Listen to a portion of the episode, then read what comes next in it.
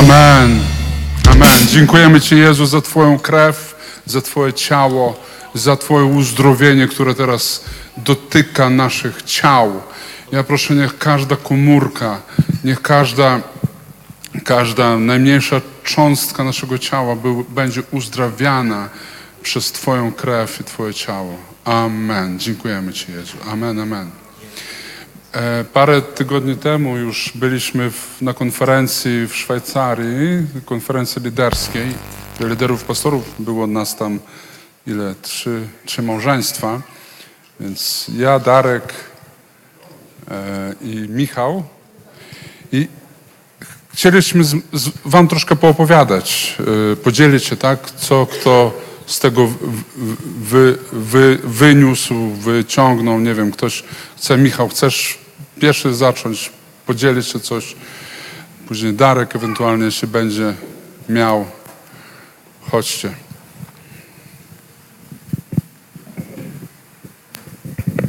Halo, halo, raz, raz. E, Kazali, więc trzeba coś powiedzieć. Było bardzo fajnie. E, Trochę czasu minęło, ale właśnie tak. Słuchajcie, e, mamy przyjaciół. Pierwsze przemyślenie. Mamy przyjaciół, mamy przyjaciół w Szwajcarii i nie tylko. Nazwijmy to taki ten alians kościołów e, e, łaski, które są, e, sprawia, że czujemy się jak w jednej wielkiej rodzinie i ja szczególną jakąś właśnie bliskość z gospodarzem tego, tej konferencji e, jakby mam i myślę, że pastorstwo nasze też z Benem e, e, z, właśnie z kościoła, z pastorem z, e, ze Szwajcarii. E, Dla mnie osobiście, e, o czym, o czym mogę się z Wami podzielić, to jest e, a, oglądanie szwajcarskiego kościoła w akcji. To jest coś, co mnie najbardziej dotykało, tak? Bo, bo e, fajnie jest to oglądać gdzieś indziej, e, fajnie właśnie jest się odwiedzać. Myślę, że to nie jest e, ostatni taki wyjazd. E, Chciałbym, żeby na takie wyjazdy też jeździło więcej e, z nas osób, nie tylko do, pewnie do, do, do Szwajcarii, do Bena, ale może, może kiedyś e, do Rotterdamu byśmy pojechali. I, I to jest świetne. Niesamowici, e, niesamowite słowo, niesamowici mówcy. Może nie kojarzycie, ja też nie kojarzyłem, więc już znam, więc powiem. Na przykład, jeśli pomylę, to niech pastor mnie poprawi, ale jednym z mówców był niejaki pastor Josh e, z RPA, którego mm, tato, tato jest, e, czy był, bo przekazał już Joshowi e, kościół, z tego co pamiętam, pastorem takiego mega kościoła w RPA, a. On, czyli ten ojciec tego Josha jest jakby uczniem Keneta Hagina jeśli ja dobrze to pamiętam. I słuchajcie, my e, dużo rozmawiamy u nas w kościele o naszej młodzieżówce. Ja to też mam jakby mocno na sercu z racji jakby naszych dzieciaków. I tam taka fajna rzecz e, była powiedziana między innymi z życia kościoła właśnie choćby z tego RPA, kiedy Josh się dzielił, a mianowicie kiedy oni organizowali lata temu, nawet dziesiątki lat temu w kościele w RPA takie spotkania dla młodzieży e, anglojęzycznej z całego świata i tam przyjeżdżali różni tam e, młodzi adepci, którzy chcieli coś tam działać w świecie, w swoich krajach dla młodzieży i, i, i skracając historię, jeden z nich przyniósł bardzo duże owoce, bo to jest e, niejaki pastor Brian Houston, który stworzył Hillsong. I jakby i głosił nam syn tego człowieka, który prowadził te jakby młodzieżowe spotkania i to było pouczające po prostu. Dużo by mówić o czym i jak. Natomiast e, wniosek, który ja wyciągnąłem z tych spotkań to dzieci, młodzież, dzieci, młodzież, stawiać na nasze dzieciaki, stawiać na naszą młodzież, e, dlatego że to jest przyszłość. W mojej osobiście rodzi, rodzinie mojej ja się sam dobrze czuję jako ojciec i nie tylko, kiedy moje dzieci mają się dobrze. I myślę, że w świecie duchowym jest tak samo. E, na razie tyle. Chciałbym, żeby ktoś przejął pałeczkę, a ja coś ewentualnie podniosę rękę i zamacham, żeby mógł dodać.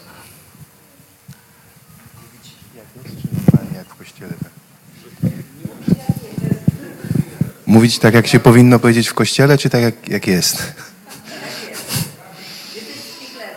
Chciałem podziękować z tego miejsca Panu Bogu za to, że mogliśmy być jeden dzień dłużej. Że nam, że nam jeden dzień dał dłużej w prezencie. Także to była taka. No, nie zdążyliśmy na samolot. Znaczy inaczej, stop. Zdążyliśmy.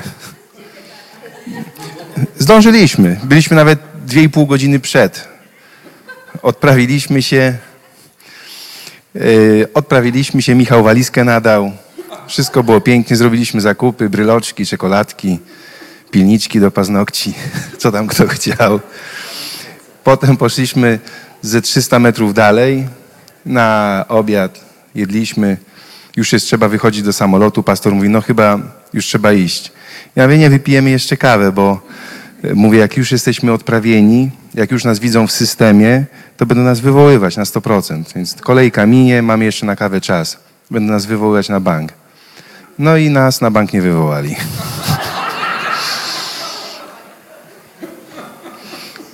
Michał, ale słuchajcie, no to jest taka trochę zbrodnia. Bo samolot stał przy rękawie normalnie. Nasz samolot stał przy rękawie, a my prawie że na kolanach mówimy, żeby nas wpuścili. Michał, no, Michał, pastor.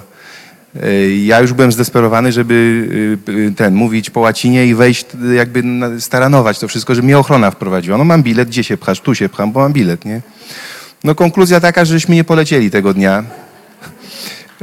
Pojechaliśmy do hotelu na 3,5 godziny. Zapłaciliśmy Turkowi trzy razy za taksówkę.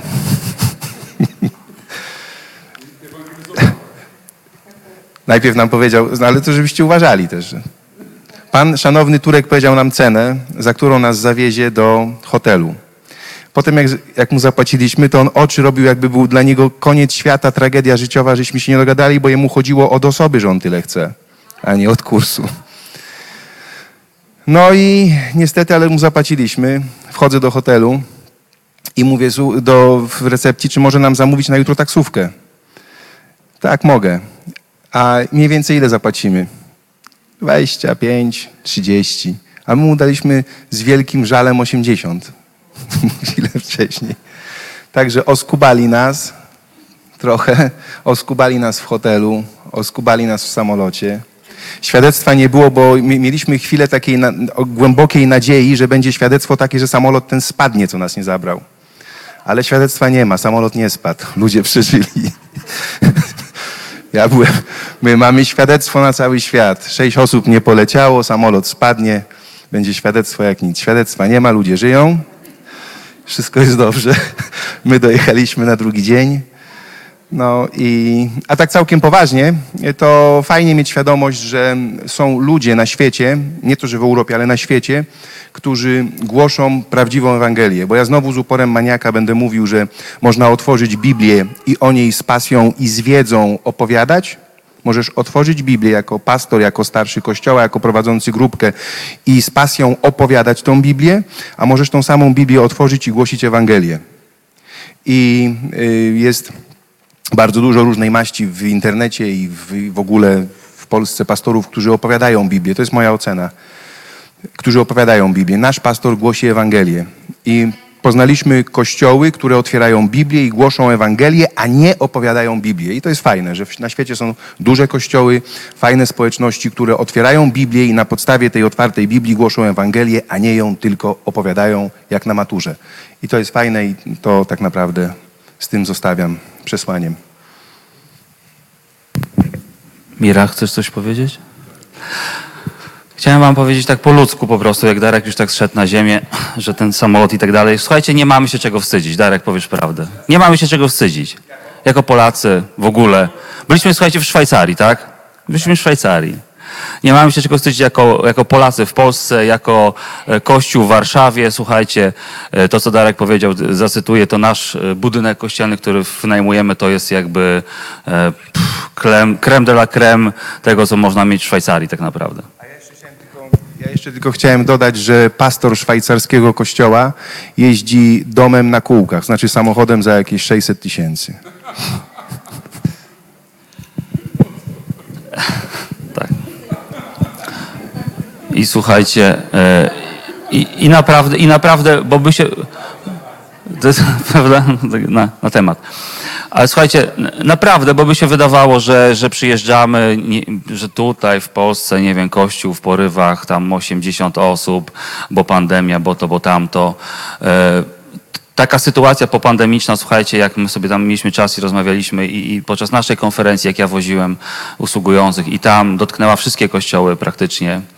Bena Kościół też jakby przetrzebi- przetrzebiło, część ludzi zostało jakby online w domach, po prostu to jest też jakby realny ich problem. I e, jakby to, co mamy naprawdę, słuchajcie, wierzcie mi na słowo, tak jak tu stoję, powinniśmy dziękować Bogu za to, co mamy. Naprawdę tutaj w Polsce. Za Polskę w ogóle, za nasze możliwości, które mamy, za sytuację finansową, które mamy, każdy z nas, jaką byście nie mieli, e, za kościół, w którym jesteśmy, za budynek, który wynajmujemy. Naprawdę, słuchajcie, ja nawet powiem, powiem tak, wam taki szczegół, że teraz jest taka moda, że e, na wszystkich konferencjach i nie tylko na nabożeństwach w wielkich, większych kościołach, e, dla jasności, e, kościół, w którym byliśmy w niedzielę razem z gośćmi konferencyjnymi miał 130 osób szwajcarski kościół, 130 osób. I słuchajcie, jest taka moda, że zawsze jest taki, często spotykany jest, widzicie na jakichś YouTubach, na przykład taki telebim duży za uwielbieniem, za e, usługującym, taki powiedzmy 7 metrów na 2,5 wysokości, to jest bardzo fajne. No ja rozmawiam właśnie z Benem, no Szwajcaria, wiadomo, ile kosztował taki telebim. On mówi, nie, wynajęliśmy wynajęliśmy za ciężkie pieniądze, wynajęliśmy, nie? Bo nam by się wydawało, że w Szwajcarii to wszystko każdy ma i wszystko, wszystko można, prawda? Więc pozory mylą czasami. Także wracając właśnie na ziemię, naprawdę mamy za co Bogu dziękować. I, I za słowo, które jest u nas głoszone.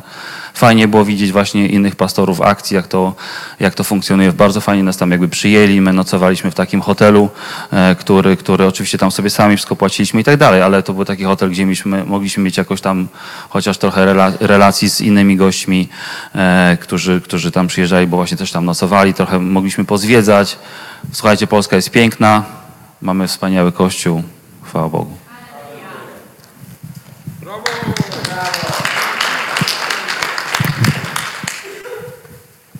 Aleluja. tak, mieliśmy dużo przygód. E, Jak on nie chciał o tym opowiadać, to ja za niego nie będę.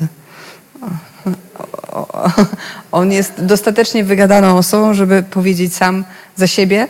E, I raczej nie bywa tak, że nie powiedziałem, bo się wstydziłem. Nie w przypadku Darka. Dobra. Więc my pojechaliśmy tam właśnie, żeby jako, jako Kościół też uczyć się, przebywać ze świętymi, pojmować miłość Bożą. I y, dla wszystkich chętnych następne, kiedy jest? W listopadzie? W październiku w Budapeszcie. E, Będzie następna taka konferencja Aliansu Łaski, więc jeżeli ktoś chce jechać, zapraszamy. Możemy pojechać samochodem, to nas wpuszczą. Niezależnie od godziny, do, od której będziemy chcieli ni- nim jechać tym samochodem. E, dobra. Mnie osobiście na tej konferencji, a ja zresztą mówiłam, tak, chyba w zeszłym tygodniu, e, dotykał Bóg osobiście i jakby przywracał do, do lubienia Kościoła i służby. I dzisiaj jest, dalej mamy temat Kościół i dzisiaj jest drugi obraz. E, drugi obraz tego, jak nam, jak Bóg widzi Kościół w, w Nowym Testamencie. W zeszłym tygodniu mówiłam o tym, jak, bo w ogóle ogólnie Kościół jest opisany kilkakrotnie, acz do, aczkolwiek dość skąpo w, e, w Nowym Testamencie. Jezus mówi o Kościele raz, w Mateusza 16. I on wtedy używa słowa eklezja, które odnosi się do zgromadzenia. Mówi, że ty jesteś tam Piotr i tam zbuduje kościół i tak dalej. To zna, na pewno znacie ten, e, ten fragment, jak nie, to może jeszcze kiedyś będzie okazja, żeby na ten temat uczyć. To mówił Jezus o, o swoim kościele. Potem w zeszłym tygodniu analizowałam, jak Paweł uczył o kościele. I Paweł przy, przyrównał kościół do ciała. On wyraźnie mówi, kościół to jest ciało Jezusa organizm, który ma różne członki, a te członki, te części, te organy mają różne przeznaczenie i różne funkcje, e, różne funkcje pełnią. I następnym obrazem, jaki widzimy, to jest Kościół jako świątynia i to jest, e, to jest w pierwszym liście Piotra 2, a w, e, Pierwszy list Piotra 2, od trzeciego do piątego wersetu. A w ogóle to jeszcze, pamiętacie, że powiedziałam coś takiego z Efezjan? Jak nie pamiętacie, to trudno, ale ja pamiętam, że powiedziałam. E, mówiłam o tym, że jest napisane w Efezjan 2, 20, że zbudowani na fundamencie apostołów i proroków i przytoczyłam dość absurdalne, jak mi się teraz wydaje, e, objaśnienie, że może to być, e, odnosić się do, s- do Starego Testamentu i do Nowego Testamentu, w sensie na fundamencie apostołów i proroków. I jadę do domu i tak przeżywam to, co powiedziałam i w ogóle, bo ja przeżywam to, co mówię. E, I, i tak no mnie, bzdurę powiedziałam. Przecież, owszem, był Stary Testament, ale był niezamknięty kanon.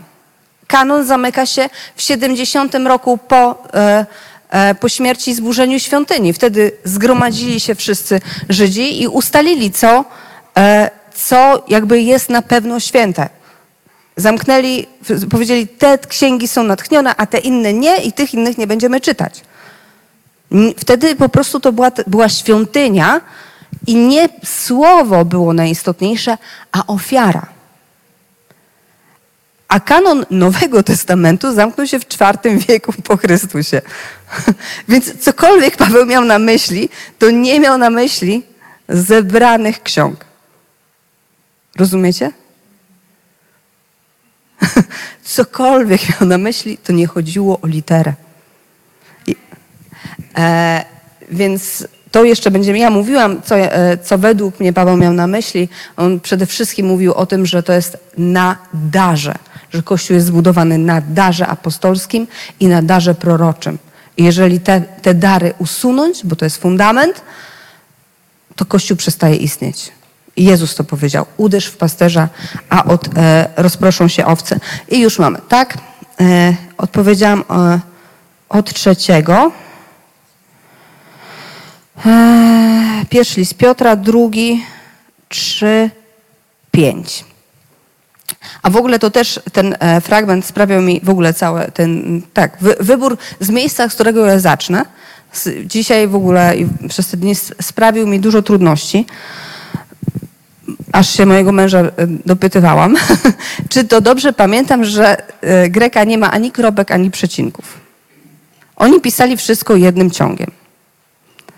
E, ogólnie przy tłumaczeniach na wszystkie języki przyjęto jakąś, jakąś linię interpe, interpunkcyjną, która jest jakby takim konsensusem. Większość, e, dlatego mamy te wersy i one są analogicznie odpo, odpowiadające we wszystkich tłumaczeniach. Ale to tak chciałam wam powiedzieć, że jak ja zaczęłam, bo tutaj chcia, chodziło mi o to, że od czwartego wersetu, że przystąpcie do kamienia żywego, przez, które, przez ludzi wprawdzie odrzuconego, lecz przez Boga wybranego jako kosztowny. Ale ja lubię w kontekście i nie wiedziałam, gdzie kontekst zacząć. Więc wybrałam, e, więc wybrałam trzy. Po pierwsze, gdyżeście zakosztowali, iż dobrotliwy jest Pan, przystąpcie do Niego, do kamienia żywego, przez ludzi wprawdzie odrzuconego, lecz przez Boga wybranego jako kosztowny i wy sami jako kamienie żywe budujcie się w dom duchowy, w kapłaństwo święte, aby składać duchowe ofiary przyjemne Bogu przez Jezusa Chrystusa. Po pierwsze, mamy list do kościoła. Wszystkie listy są, nie są pisane do indywidualnych osób, poza tymi, które mają w tytule, że to są indywidualne osoby. Tymoteusz, Filemon. Reszta jest do zgromadzeń. Amen? I teraz zobaczcie. I on mówi: przystąpcie do niego, do kamienia, i wy, jako kamienie ży- żywe, budujcie się w dom duchowy. To jest mowa, wy, jako kamienie żywe, budujcie się w kościół. Widzimy to? Budujcie się w kościół. I teraz to, co ja tutaj widzę. Pierwsza rzecz, która uzdalnia cię, pierwszy warunek, który jest no, nie, nie, nie do ominięcia, żebyś ty się mógł budować w kościół, to jest ten werset trzeci. Gdyżeście zakosztowali, że dobry jest Pan. To, co ja wspominałam w zeszłym tygodniu. Jeżeli nie jesteś przepełniony Bożą miłością tak, że się z ciebie wylewa, to siedź i napełniaj się. Jeżeli Twoja służba ma być dla Ciebie ciężarem, masz być w niej sfrustrowany i od czasu do czasu w- wpijać szpilki temu i tamtemu, bo Ty robisz, a on nie, usiądź, napełniaj się Bożą miłością, niech Ci Bóg usługuje. Jeżeli wszyscy usiądziemy, to tylko Bóg nam będzie usługiwał. Są takie sytuacje, że robimy coś, bo jest potrzeba, tak? Jeżeli ktoś tutaj na sali, dla tych, którzy są po drugiej stronie, nie rozstawi kabli, kamery, nie wytaszczy tego sprzętu, to ci, którzy są w domu i chcą, żeby im usługiwać, nie będą mogli przyjąć usługi. I wtedy będą musieli przyjść tu. Ale gdy żeście zakosztowali, że dobry jest Pan, doświadczenie Bożej miłości, według mnie z tego wynika, jest warunkiem koniecznym, niezbędnym, najważniejszym do tego, żebyś mógł jakkolwiek budować siebie, siebie wbudowywać się w tę świątynię, którą, którą jest Kościół. Żeby w ogóle było w tobie życie doświadczenie Bożej miłości. I co dalej? Drugie, jak już przeżywasz tą Bożą miłość, jak już jesteś napełniony, jak już wiesz, że Bóg cię kocha, jest przystąpcie do kamienia żywego. To jest nie od razu do służby. Pogłębiaj swoją relację z Jezusem. Przystąp do kamienia żywego. Jeżeli dla ciebie Jezus nie jest całym twoim światem, hoplem i bzikiem, to nie jesteś jeszcze gotowy do budowania kościoła. Bo jest do, do, przeżyj Bożą miłość, przystąp nie do budowania, nie do służby, nie do pouczania. Przystąp do kamienia żywego, do Jezusa. I zobaczcie, co od razu Piotr na, e, na, e, podkreśla.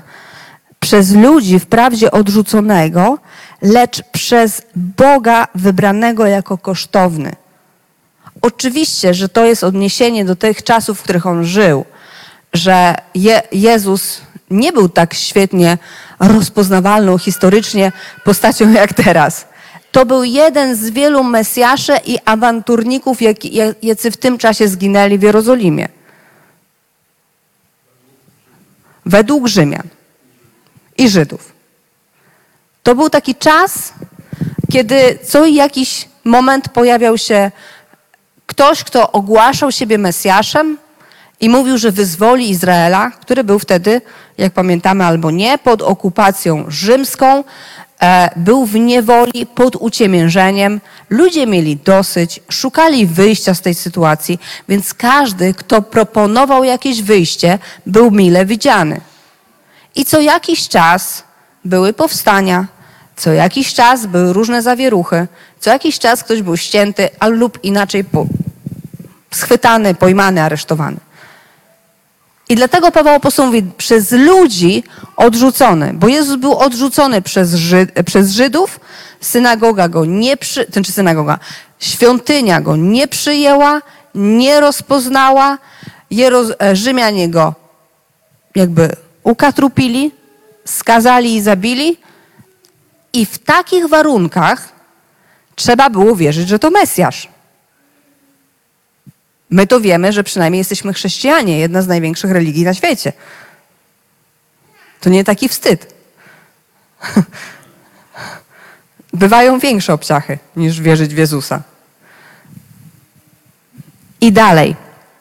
I w tym momencie, kiedy my jesteśmy blisko Jezusa, kiedy my jesteśmy w Nim zakochani, kiedy On jest naszym rozwiązaniem na wszystkie nasze problemy, wtedy dopiero się zaczyna. I wy sami, jako kamienie żywe, budujecie się w dom duchowy. I mnie bardzo wzruszył ten, te, e, ten wydzie... Boże, to słowo sami. że to jest Twoja decyzja. To jest werset piąty. I wy sami, jako kamienie żywe, budujcie się w dom Boży. Czyli Paweł, y, czyli Piotr, ja już tak często Pawła cytuję, że mi w ogóle Paweł. Ale Piotr mówi coś takiego. To jest Twoja decyzja, czy Ty zechcesz budować Kościół. Nie powinno tak być, że ktoś przychodzi, wyciąga Cię i mówi, bo Ty siedzisz i nic nie robisz, to zacznij. A na pewno już to nie jest tak, że Bóg Cię do czegoś zmusi, w tym sensie, że jeżeli nie poświęcisz się w Kościele, to zniknie Boże błogosławieństwo. Boże błogosławieństwo nad Tobą jest z Bożej dobroci przez krew Chrystusa Jezusa. Koniec, kropka. Amen. Ono zawsze będzie. Nie, no niestety. Byłoby bardzo wygodnie móc tak manipulować, że jeżeli nie będziesz służył w kościele, to nie wiem, krowy ci się pochorują, kwaśne mleko będą dawać.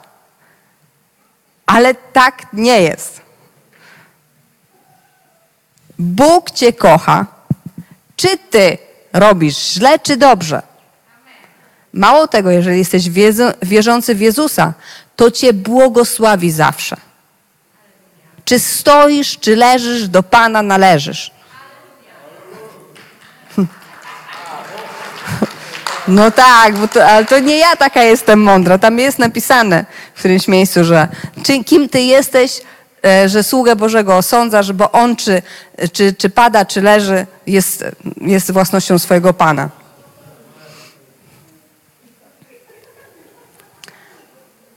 Tak? Cieszycie się? Możecie leżeć. Zobaczcie, wy sami. To jest nasza indywidualna decyzja. My decydujemy się, tak? Chcę coś zrobić dla Boga. Chcę budować Jego Kościół. Chcę być Jego częścią. I teraz, aby składać duchowe ofiary przyjemne Bogu przez Jezusa Chrystusa. I zaczęło się. Uczynek. Ale okazuje się, że to nie przeprowadzenie babci przez jezdnię, tej przysłowiowej. Chociaż teraz przy tych przepisach to wszystkie babcie pchają się pod samochód, bo mają pierwszeństwo. I raczej trzeba byłoby je powstrzymywać, że pani kochana, masz pierwszeństwo, a samochód ma drogę hamowania i koniec. Choćby chciał stanąć w miejscu, nie stanie. Będzie się chwilę toczył. Zobaczcie, Bóg mówi, że to, co ty decydujesz się robić w kościele, cokolwiek by to było, on mówi, to jest ofiara przyjemna dla mnie. Dochodzimy do tych wieńców. Może pierwsze kwiatki do wieńca zaczniemy zbierać. Aby składać duchowe ofiary przyjemne Bogu przez Jezusa Chrystusa. Czyli to brzmi tak w ogóle prawie nie w łasce. A może właśnie w łasce. Czyli, że to, że przychodzisz i rozdajesz wieczerze, rozkładasz te kable, śpiewasz, wklepujesz wersety, wyświetlasz, że to sprawia Bogu przyjemność. Możecie być z siebie dumni. Naprawdę. Bóg na was patrzy, jest mu miło, jest szczęśliwy i bardziej zadowolony niż by się nam zdawało. To nijak nie zmienia Jego miłości do nas. Nie możemy zrobić nic, żeby On nas mniej lub bardziej kochał. Ale możemy zrobić coś, co Mu się podoba, jak się z tego wynika. I aby składać duchowe ofiary przyjemne e, Bogu przez Jezusa Chrystusa. I przechodzimy do Rzymian 12, co już było w zeszłym tygodniu, ale teraz od pierwszego wersetu. I tu się też skupimy. Ja już, ja już powoli zaczynam e, tracić głos, bo tak jak niektórzy, ja dostałam anginy. I, e, jeszcze, jeszcze w piątek myślę, byłam największą moją modlitwą, to było to, Boże, jak ja Ci dziękuję, że ja żyję w czasach antybiotyków. Naprawdę. Ja nie sądziłam, że głupie gardło może tak boleć. Że po prostu dwie noce nie spałam z bólu. Zeżarłam prawie wszystkie tabletki, jakie były. I nic nie pomagało. Wypsikałam całe ten tantum verde forte w to gardło i po prostu... Dobra. 12, Rzymian 12.1. E, Do czwartego. Skupiamy się. Wzywam was tedy, bracia, przez miłosierdzie Boże, abyście składali ciała, widzicie, abyście składali ciała swoje jako ofiarę żywą, świętą, miłą Bogu, bo taka powinna być duchowa służba wasza. A nie upodabniajcie się do tego świata, lecz przemieńcie się przez odnowienie umysłu swego, abyście umieli rozróżnić, co jest wolą Bożą, co jest miłe, dobre i doskonałe. Powiadam wam, powiadam bowiem każdemu spośród was mocą danej mi łaski, aby nie rozumiał o sobie więcej niż należy rozumieć, lecz by rozumiał z umiarem stosownie do wiary, jaki Bóg każdemu udzielił. Tak jak bowiem w ciele ma wiele mamy członków, a nie wszystkie członki tę samą czynność wykonują, tak my wszyscy jesteśmy jednym ciałem. Zobaczcie, jaki jest ciąg myślowy. On zaczyna od tego, że składajcie miłe ofiary, a kończy na tym, że jesteśmy członkami w ciele Jezusa. Widzimy, zauważyliście to? Zaczyna się, wzywam was, abyście składali, a, w, a piąty werset, tak, my wszyscy jesteśmy jednym ciałem. Czyli Twoją ofiarą, którą Ty możesz złożyć Bogu, jest to, że Ty rozpoznajesz swoją rolę w kościele, swoje zadanie i po prostu to wykonujesz. Zgodnie z tym, co powierzył Tobie Bóg. Tak jak mówi Piotr, budujcie się sami w duchowy dom. Jeżeli jesteś oknem, to jesteś oknem. I możesz myśleć, że jesteś drzwiami. Ale każdemu, kto będzie wchodził przez okno, będzie bardzo niewygodnie. I dlatego ktoś, kto nie jest powołany do ewangelizacji, nijak w dużych, w dużych, że tak powiem, ewangelizacyjnych wydarzeniach się nie odnajdzie. Bo on będzie jak ten malutki lufcik, który próbuje zapraszać tędy, tędy, wchodźcie do środka. A wszyscy patrzymy na mały lufcik, myślimy, nie pcham się tędy. Poczekam, aż mi drzwi otworzą. Kiedy my zaczynamy, kiedy zaczynamy być nie tym, kim jesteśmy, to składamy nie tę ofiarę, którą powinniśmy. Jeżeli ja wiem, że nasz organizm jest tak zbudowany, że, że nasze kończyny, nasze, nasze organy mogą przejmować funkcje jednych drugich, tak? I widzieliśmy na pewno takie osoby, które z powodu tego, że nie wiem, straciły rękę, a były praworęczne, zaczęły robić wszystko lewą. I po jakimś czasie jakoś to idzie. Ale lepiej idzie, gdyby miały dwie ręce. Można uczesać się i nogą, są takie osoby. Ale to nie znaczy, że noga jest do tego przeznaczona. To jest nieszczęście, jeśli się tak dzieje. Amen? Więc pierwsza, ta myśl jest bardzo ważna.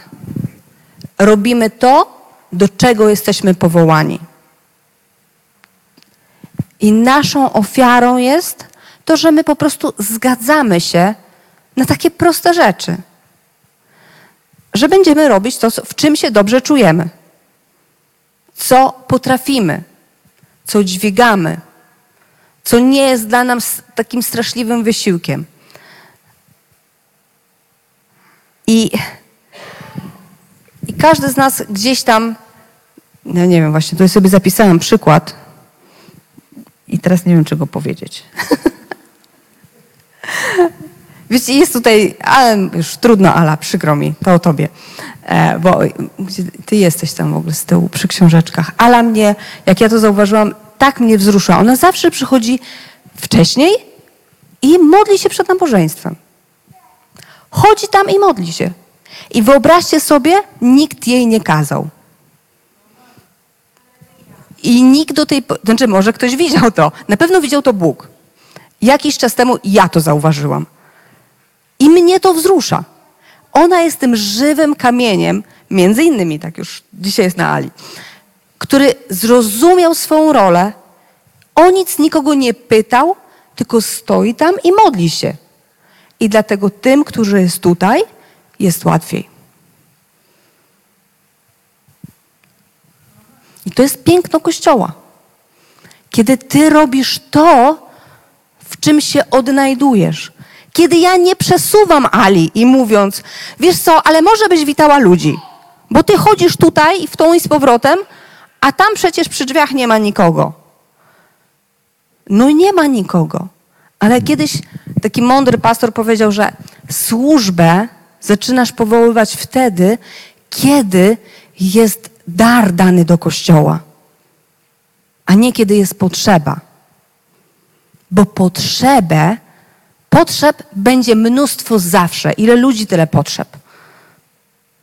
Tak jak Jezus powiedział, biednych zawsze macie. Zawsze będzie komu usłużyć. Ale jeżeli ja powołuję służbę do istnienia, a nie mam osoby obdarowanej, która będzie miała objawienie i powołanie do tej służby, to Ala tam przy drzwiach za pół roku będzie miała dosyć wszystkich i tyle ją widzieliśmy, bo to nie był jej dar, nie było jej powołanie, ale ona była posłuszna i pokornego serca. Jak pastor kazali, tak i stanęła przy drzwiach. I wypaliła się w tym, bo brzemię nie było lekkie, a jarzmo nie było słodkie. I w ogóle oszukali ją w tym kościele. I w każdym innym również. Jakim każdym innym? W każdym, w którym bardziej odpowiadamy na potrzeby, niż funkcjonujemy w darach. Twoją ofiarą jest to, że Ty składasz swoje ciało i funkcjonujesz w darze. Co to znaczy, że składasz swoje ciało? Najprostsza rzecz, jaka może być, że fizycznie przychodzisz 20 minut wcześniej, rozstawiasz sprzęt. No już bardziej cieleśnie się nie da. Ale może być tak, że ty składasz swoje ciało i że mimo, mimo tego, że strasznie chciałbyś robić to, co ci nie wychodzi, ale bardzo byś chciał, robisz to jednak, co ci wychodzi. A co może nie jest takie w blasku reflektorów. I co nie jest takie rozpoznawalne i takie cudownie widoczne przez wszystkich ludzi. Ale Jezus mówi, zaprawdę, wiecie, ta, ta sytuacja w świątyni, kiedy oni tam wrzucali wielkie dary do skarbca i, i, i, Jezus na to wszystko patrzył i on mówi, wiecie co, oni teraz otrzymali swą zapłatę. Jaką? Podziw, uznanie, może jakiś szacunek, zazdrość innych ludzi. On mówi, ci, którzy stoją na rogach ulic i się modlą, żeby ich inni widzieli, oni teraz otrzymują swoją nagrodę. Natomiast ci, którzy robią coś, żeby to widział Bóg, otrzymują nagrodę wieczną. Nie wtedy, kiedy widać. Dlatego właśnie się zastanawiałam o tej, czy przykład o Ali mówić, bo, bo ona do tej pory widział ją Bóg, a teraz już wszyscy wiedzą. To Magda tak mówi, że właśnie pozbawiłam cię nagrody w niebie. Ale ja wierzę, ale ja wierzę, że ponieważ Ala robiła to wtedy, kiedy nikt nie widział, to ja jej niczego nie pozbawiłam. Bo czy bym powiedziała, czy nie powiedziała, ona tam by stała i się modliła. I to jest też miara naszej dojrzałości. Miara napełnienia się tym, jak dobry jest Bóg. Gdyby ona nie była napełniona Bogiem i poczuciem tego, że to ma sens, nie byłaby w stanie tego robić. Bez dźwięku, fanfar, bez pochwały pastora i tak dalej, i tak dalej.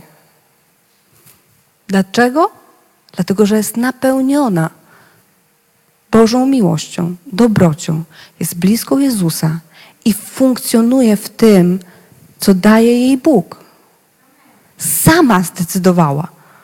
Sama się tam postawiła, sama się wyświęciła.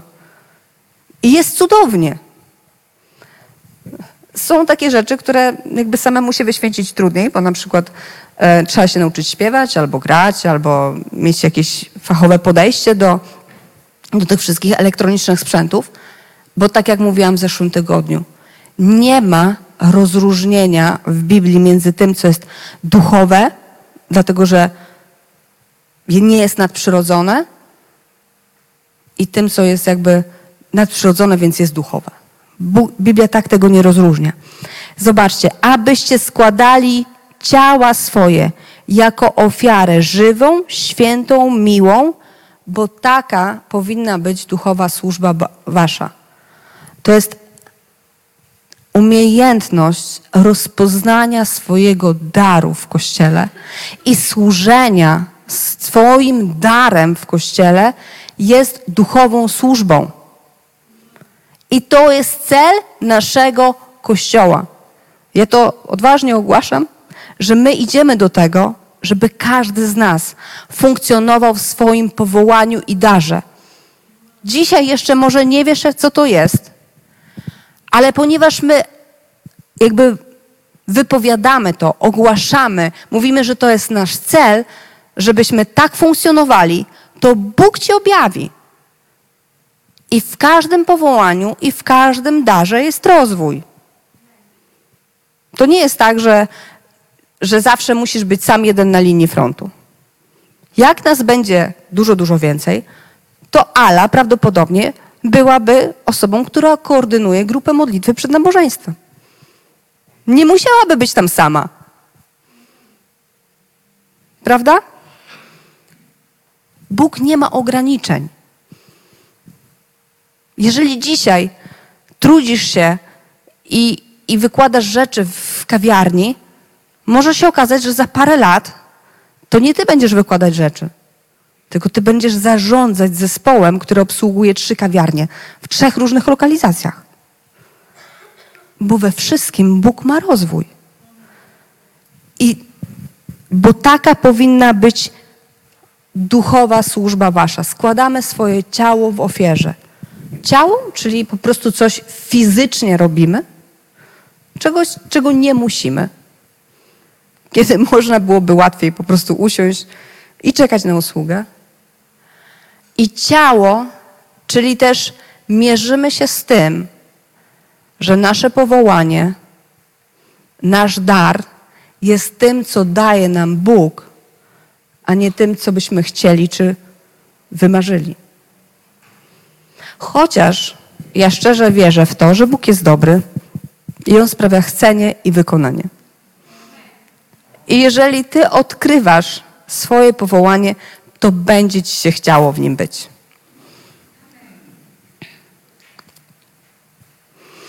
I gdzie ja tutaj mam, że znowu Piotra mam mieć? I dobra, i wrócimy na chwileczkę jeszcze. E, Albo nie. Dzisiaj, dzisiaj mówimy krótko. Przejdziemy do Tymoteusza, drugi list tym, e, do Tymoteusza 2, 19, 21.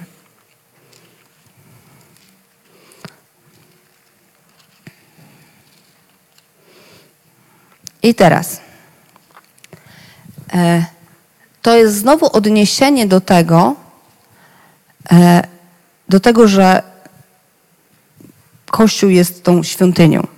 Drugi to Mateusza 2 i o może od 19.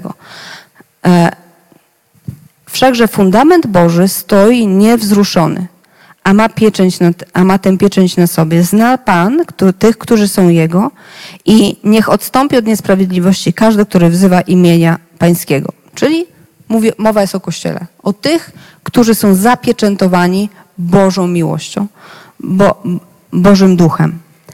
I potem on stwierdza, w wielkim domu, to jest w tym kościele, są nie tylko naczynia złote i srebrne, srebrne, ale też drewniane i gliniane.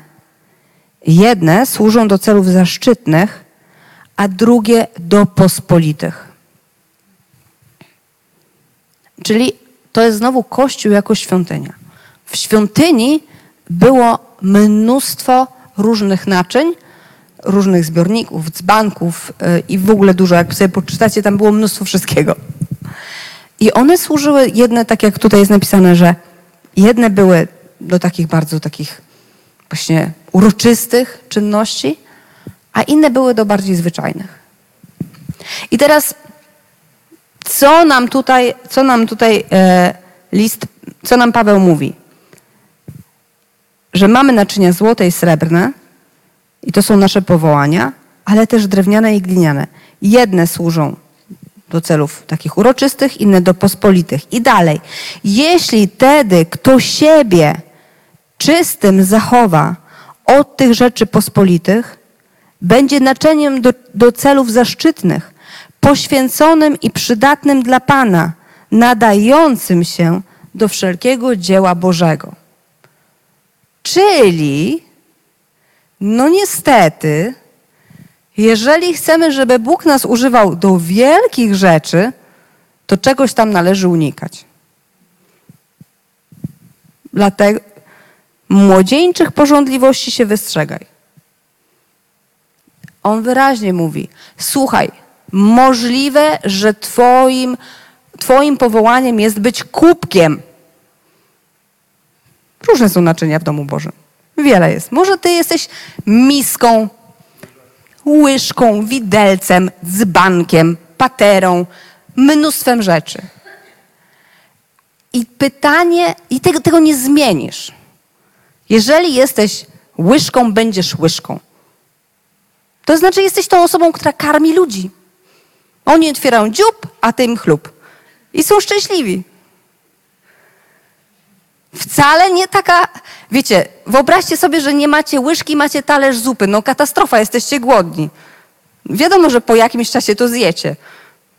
Ile zjecie, ile rozlejecie, to jest wasza tajemnica. Jak bardzo to wystygnie, zanim skończycie. I czy wam będzie smakowało przy, tej, przy tym poziomie frustracji. Jesteś łyżką. Usługujesz ludziom. Prosta czynność. Nie zmienisz swojego DNA duchowego, swojego powołania i swojego obdarowania. Ale czy ty będziesz pospolitą, drewnianą łyżką używaną od czasu do czasu? Czy będziesz złotą, wspaniałą łychą, z którą się nalewa z całej, z całej takiej wazy na zupę na talerze? To już zależy od ciebie.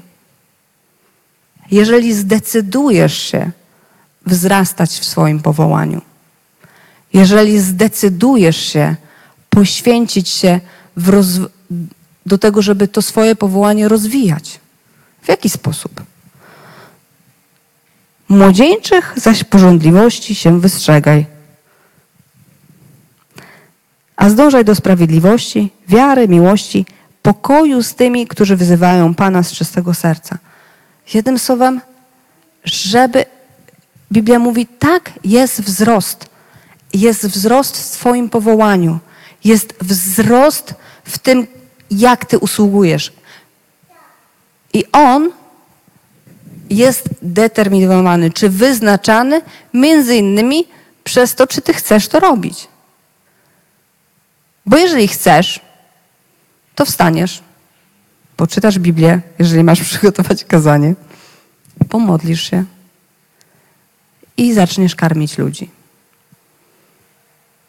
Jeżeli to jest to, że ty masz właśnie techniczne e, uzdolnienie, to jest to, że ty już nawet rozstawiłeś te kable, już nawet to działa, wszystko jest ok, ale ty robisz coś więcej, a sprawdzasz jakieś następne nowe update'y, a można by coś może jeszcze jakąś wtyczkę wgrać do naszego komputera, żeby ten dźwięk był lepszy.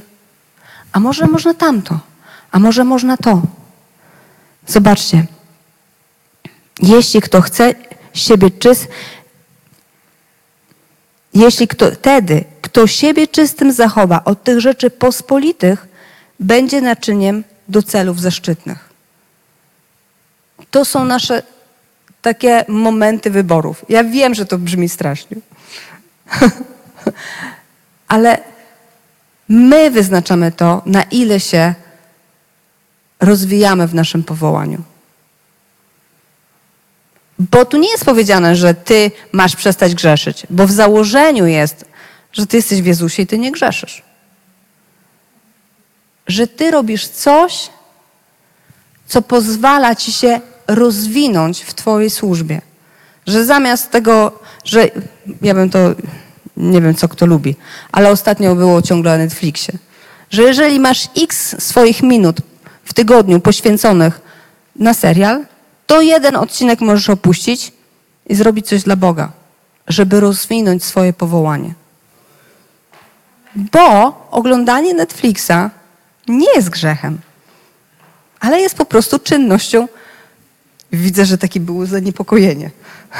No nie. To jest nasz wybór. Relaksujemy się na przykład. Podoba się nam serial. Jest interesujący, cokolwiek. To nie jest grzech. No na Netflixie raczej nie ma pornograficznych filmów.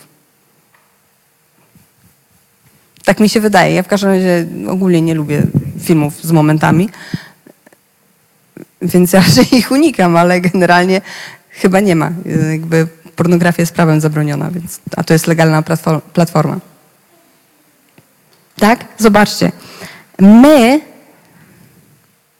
jeśli wtedy kto siebie czystym zachowa od tych rzeczy pospolitych, jeżeli my jesteśmy w stanie wydzielić jakąś część naszego życia po to, żeby rozwijać się w naszej służbie, będziemy naczyniem zaszczytnym. Nie zmienimy swojego powołania, ale będziemy w nim głębiej, pójdziemy w nim dalej, będziemy się w nim rozwijać. I to jest nasz wybór.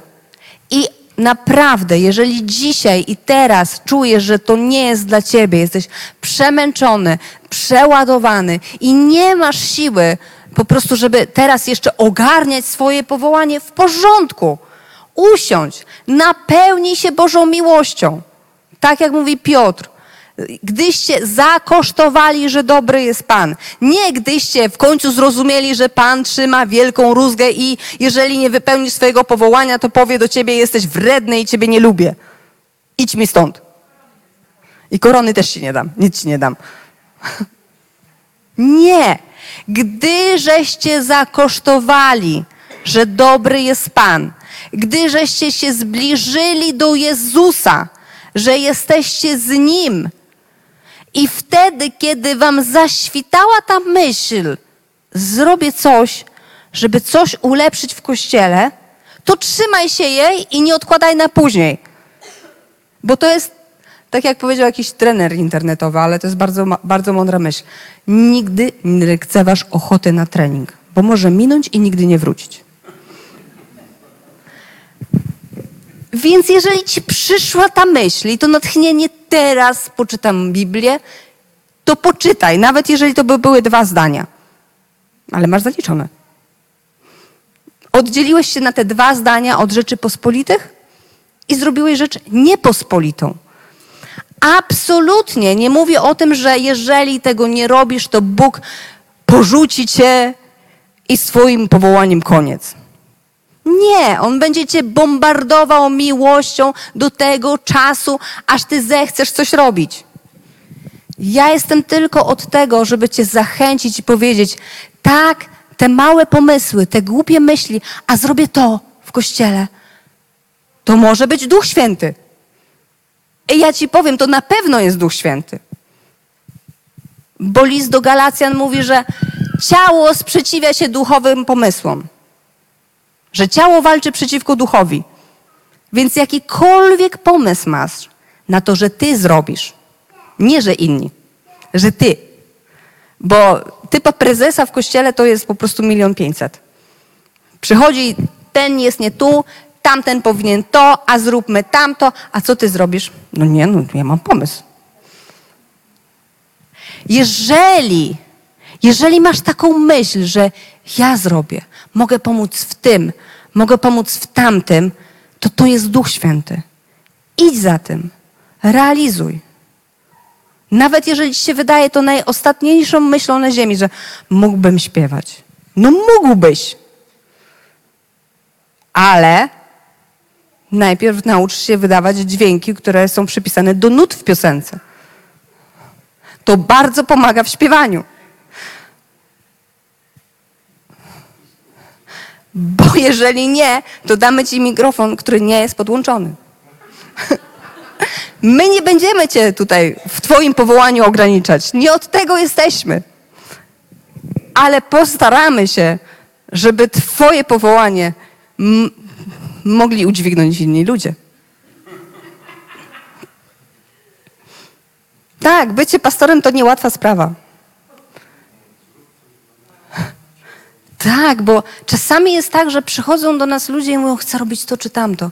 I ty całym sobą wiesz, że chcą to robić z powodu jakichś deficytów, braku miłości, tego, że są niepewni w tym czy tamtym, że chcą udowodnić swoim przodkom sprzed potopu, że są godni czegoś. Już tam nie mówię, że mamie czytacie. Siostru, bra- siostrze, bratu, szefowi w pracy. I ty całym sobą wiesz, że to pragnienie nie jest jeszcze od Boga. I co?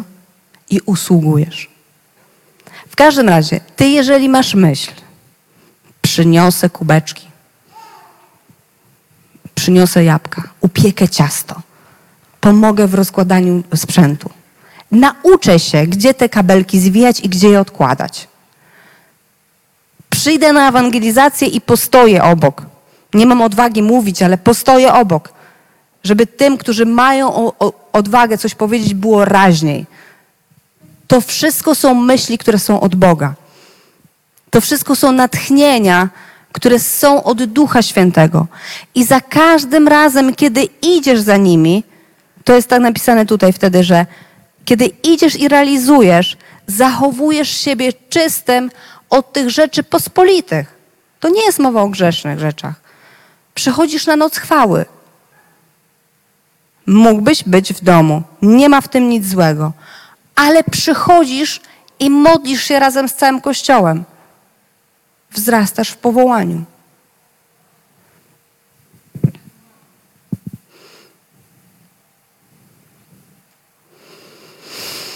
I Bóg będzie nas używał tak, jak On chce. No niestety to jest jego, jego przywilej, to co mówiłam w zeszłym tygodniu. To On rozdaje dary. I jeżeli ci powiedział, że jesteś maselniczką, to nią będziesz. Maselniczka jest tłusta, pełna masła i namaszczenia. To wcale nie jest taka zła funkcja. W świątyni były specjalne dzbanki na olej. Może to o to chodzi. Może Twoim zadaniem jest napełniać się namaszczeniem, które będzie wylewało się w tym momencie, kiedy będzie potrzebne, a nie kiedy nam się wydaje, że wszystkie rozumy zjedliśmy. I że już teraz musimy kogoś pouczyć. My w ogóle w kościele nie jesteśmy od tego, żeby siebie wzajemnie pouczać w czymkolwiek. W czymkolwiek. Jesteśmy od tego, żeby siebie wzajemnie zachęcać. Słuchaj, nie wiem, naprawdę nie wiem, jak ty przez to wszystko przechodzisz. Może w ogóle już nie przechodzisz. Może już tylko leżysz, a Bóg cię przenosi. A tobie się wydaje, że tylko jedno nieszczęście za drugim na ciebie spada. Ale słuchaj, ja jestem tutaj. I kiedy mi było tak strasznie źle, że nie wiedziałam, co zrobić, Bóg jakoś to wszystko rozwiązał. Już nawet z tego nieszczęścia nie pamiętam jak, ale jestem tu, stoję, żywa. Znaczy udało się. I Tobie się uda. I z Tobą zrobi Bóg taki sam cud. Od tego jesteśmy tutaj. I na koniec powiem Wam małe świadectwo. Bo ja w zeszłym roku dostałam od kościoła słuchawki. E, takie, wydawało mi się, że nie, nie potrzebuję słuchawek, a potem pomyślałam, że chcę na prezent i dostałam. I ja się to w ogóle byłem naj... Słucham? Tak, na urodziny. Dostałam AirPodsy. I ja je zgubiłam. to było po prostu, ja wróciłam do domu spłakana, że je zgubiłam. I nie wiedziałam już, gdzie je zgubiłam. Y, Już potem jakby robiłam rachunek sumienia 150 razy. Po prostu e, już nie wiedziałam, czy ja je namacałam, czy ja ich nie namacałam. Z tymi, z tymi słuchawkami iPhone'owymi to jest tak, że jak je tam sobie zarejestrujesz, piszesz do konta, to widzisz, one się zgłaszają. Więc one mi się zgłaszały to tu, tu się zgłaszały to tam. Aż w końcu jak się zgłosiły w szkole i znieruchomiały, to ja tak, proszę, żeby one tam były. Szkoła, wiecie, jest duża. Naprawdę jest duża. To jest duży budynek. One mogłyby być gdziekolwiek, a potem jakby im się wyczerpała bateria, to, to już by się nigdzie nie zgłosiły i by było po wszystkim. Generalnie jak je, w, czwartek znalazłam, koleżanka w pracy powiedziała, że znalazłam twoje słuchawki, były w takim miejscu, że się nie dziwię, że nie znalazłaś. Ja mam różne teorie, raz głupsze, raz mądrzejsze, ale były. Były zawieszone na, w koszu na parasole, za parasol wśród tych materiałów. Naprawdę można było nie zauważyć. E, dla mnie to było takie świadectwo, że Bóg wysłuchał moich po prostu wszystkich rozpaczliwych modlitw, żeby one się znalazły. Bo czy, wiecie, nie, nie, nie mówię, że zaraz ktoś się musiał kraść czy coś, ale one mogły tam wpaść jakimś cudem. Nie wiem, jak działają te rzeczy, że się zgłaszały to tu, to tam, może się zgłaszały przez pomyłkę. Nieważne. W każdym razie istotne dla mnie było to, że to jest duży budynek. I jeżeli ktoś mi nie pomoże ich znaleźć, to ja ich nie znajdę na pewno. I się znalazły. Ja wróciłam do domu taka szczęśliwa. Znalazły się, znalazły, tak jak poprzednie. Sam buduje się jako kamień żywy. Szuka swojego miejsca jako ten kamień żywy i się dokłada. Czasami to zabiera czas. Czasami przychodzę, staję tutaj, no nie ta dziura. No ja nie pasuję. Jak z puzzlem. Postoję tutaj. Może ta służba. Może tu się odnajdę. I w którymś miejscu odnajdujesz swój dar. Tu pasuje. Ja jestem tą cegłą z tego muru i tu będę podtrzymywać tę ścianę. I wtedy zaczynasz składać ofiarę żywą, przyjemną Bogu. W jaki sposób? A w taki, że znalazłeś swoje miejsce, znalazłeś swój dar, znalazłeś swoje powołanie i po prostu w nim funkcjonujesz. I to jest ta ofiara żywa i, i święta, i Bogu miła. I wtedy jarzmo jest słodkie, brzemię jest lekkie. Zamknijcie oczy, wy tutaj na sali i wy tam przed ekranem, przed telewizorem. Pomodlimy się za was. Najdroższy Ojcze, Jezu, budowniczy swojego Kościoła, proszę, niech teraz Twoja łaska przenika nas. Niech Twoja łaska dotyka każdego serca. Niech Twoja łaska pokazuje nam, jakie miejsce, jakie rzeczy, jakie czynności i jakie dary i jakie powołanie jest naszym udziałem. Objawiaj nam, czy jesteśmy łyżką, talerzem, dzbankiem. Daj nam siłę, abyśmy wzrastali w tym naszym powołaniu, żebyśmy byli złotym dzbankiem, diamentową łyżką. My oddajemy Ci nasze serca.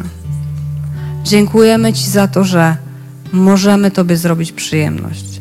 Dziękujemy za ten zaszczyt tego, że możemy zrobić coś, z czego jesteś dumny, z czego ty się, czym Ty się chwalisz. Najdroższy Jezu, dotykaj każdego serca, dotykaj każdej osoby, która jest zmęczona, która jeszcze się nie czuje gotowa, żeby wejść w służbę. Uzdrawiaj, uspokajaj, pocieszaj, napełniaj. Napełniaj wszystkich tych, którzy są w służbie głęboką satysfakcją z tego, co robią. Objawiaj im swoją twarz w ukryciu, wtedy, kiedy oni decydują się, żeby odłożyć te pospolite